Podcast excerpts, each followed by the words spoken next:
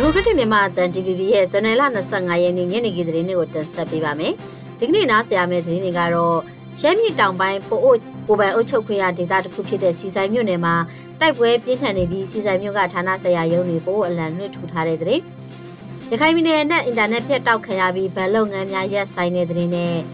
မတ်တန်ရုပ်ရှင်ဒါရိုက်တာရှင်တဝီကိုပြန်လွှတ်ပေးဖို့နိုင်ငံတကာရုပ်ရှင်အဖွဲ့တွေကတောင်းဆိုလိုက်တဲ့သတင်းကိုနားဆင်ရမှာဖြစ်ပါတယ်။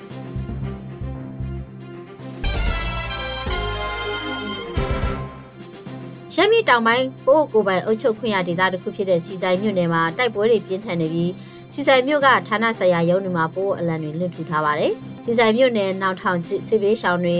နေတဲ့နေရာကိုဇန်နဝါရီလ23ရက်နေ့က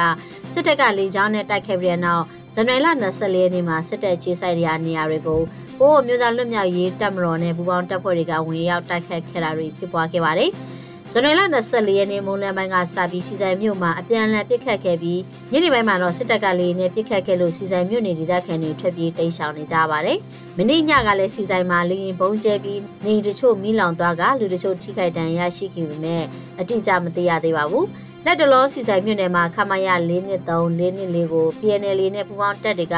သိမ်းပိုက်ထားပြီးစစ်ကောင်စီတပ်ရင်စီဆိုင်ရဲစခန်းနဲ့ဌာနဆိုင်ရာရုံးတွေမှာပိုးအလံတွေလွှတ်ထူထားတယ်လို့ PNL ရဲ့သတင်းအရင်းမြစ်တွေကသိရပါဗျ။ဒီလိုတိုက်ခတ်သိပ်ပိုက်မှုကြောင့်ဒီကနေ့ထိစစ်တပ်ကလေးနဲ့စီဆိုင်ကိုပြစ်ခတ်နေသလိုမြေပြင်တိုက်ပွဲတွေလည်းပြင်းထန်နေတယ်လို့ဒေသခံတွေကပြောပါရရှင်။ရခိုင်ပြည်နယ်အတွင်းကတကြောပြတိုက်ပွဲတွေဖြစ်ပွားပြီးတဲ့နောက်ခီးသွားလာခွင့်နဲ့ကုန်စည်သယ်ဆောင်ခွင့်တွေကိုစစ်တပ်ကပိတ်ပင်ထားသလိုအခုနှစ်ဇန်နဝါရီလ15ရက်နေ့ကစလို့မြို့တိုင်းလိုလို ဖုန်းနဲ့အင်တာနက်လိုင်းတွေဖြတ်တောက်ထားတယ်လို့ဒေသခံတွေကသိရပါတယ်။ဒါကြောင့်သတင်းအချက်လက်တွေမသိတော့တဲ့အပြင်ဗန်လုပ်ငန်းနဲ့ငွေလဲငွေထုတ်လုပ်ငန်းတွေပါရက်ဆိုင်သွားတဲ့အတွက်ထိခိုက်နေနိုင်ရတယ်လို့စစ်တွေမြို့နေငွေလွှဲငွေထုတ်လုပ်ငန်းလုပ်ကိုင်နေသူတို့ကပြောပါတယ်။ဒီပပို့ငွေနဲ့ရက်တည်နေရတဲ့ရခိုင်ပြည်နယ်မိသားစုတွေဟာအင်တာနက်ပြတ်တောက်ခံရတာကြောင့်ပို့ငွေတွေလည်းမရတော့တဲ့အပြင် ဒီဘက်ကပို့လာတဲ့ငွေတွေကိုလည်းရခိုင်တော့များစွာပေးပြီးထုတ်ရတယ်လို့မြင်းများမြို့နယ်ကဒေသခံတူကပြောပြပါဗျ။ရခိုင်ပြည်နယ်အနက်မှာဖုန်းလိုင်းအင်တာနက်လိုင်းတွေဖြတ်တောက်ခံရတာနှစ်ပတ်နီးပါးကြာမြင့်လာသလိုမြို့တိုင်းလိုလိုစစ်တပ်ကအင်အားတိုးချဲ့လာပါတယ်။စစ်တပ်ကရခိုင်ပြည်နယ်နဲ့စစ်ရေးအရာရှုံးနေနေပြီးဒေသတွင်းဖိနှိပ်တာတွေပိုလှုပ်ဆောင်လာသလိုဒေသခံတွေကိုဖမ်းဆီးတဲ့ပြည်လူသားချင်းစာနာမှုအကူအညီတွေကိုပါပိတ်ပင်ထားတယ်လို့ရခိုင်ပြည်သူတွေကပြောပါတယ်ရှင်။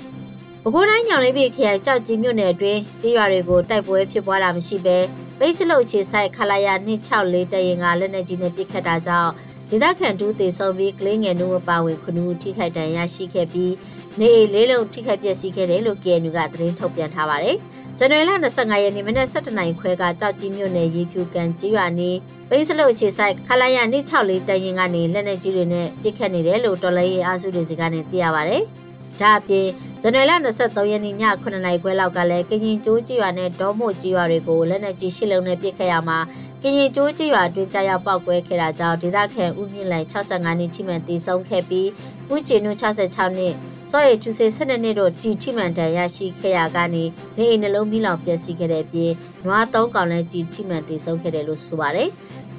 မြန်မာနိုင်ငံမှာထောင်နဲ့သက်သက်ချမှတ်ခံထားတဲ့မှတ်တမ်းရုပ်ရှင်ဒါရိုက်တာရှင်တဝီကို ချွင်းချက်မရှိချက်ချင်းပြန်လွှတ်ပေးဖို့ဥရောပခြေဆိုင်နိုင်ငံတကာရုပ်ရှင်ဖွဲ့စည်းကတောင်းဆိုလိုက်ပါတယ်။အနေအကျရောက်နေတဲ့ရုပ်ရှင်ဖန်တီးသူများအတွက်နိုင်ငံတကာပူးပေါင်းဆောင်ရွက်မှု ICFR ကရှင်တီဝီရဲ့ကျန်းမာရေးအတွက်အလေးနဲ့စိတ်ပူရတဲ့အကြောင်းနဲ့ရှင်တီဝီနဲ့ရောမြန်မာနိုင်ငံကလူခွေရေးနဲ့လွတ်လပ်စွာဖော်ထုတ်ခွင့်ပြသခွင့်အတွက်ရည်တည်နေသူတွေအားလုံးပါ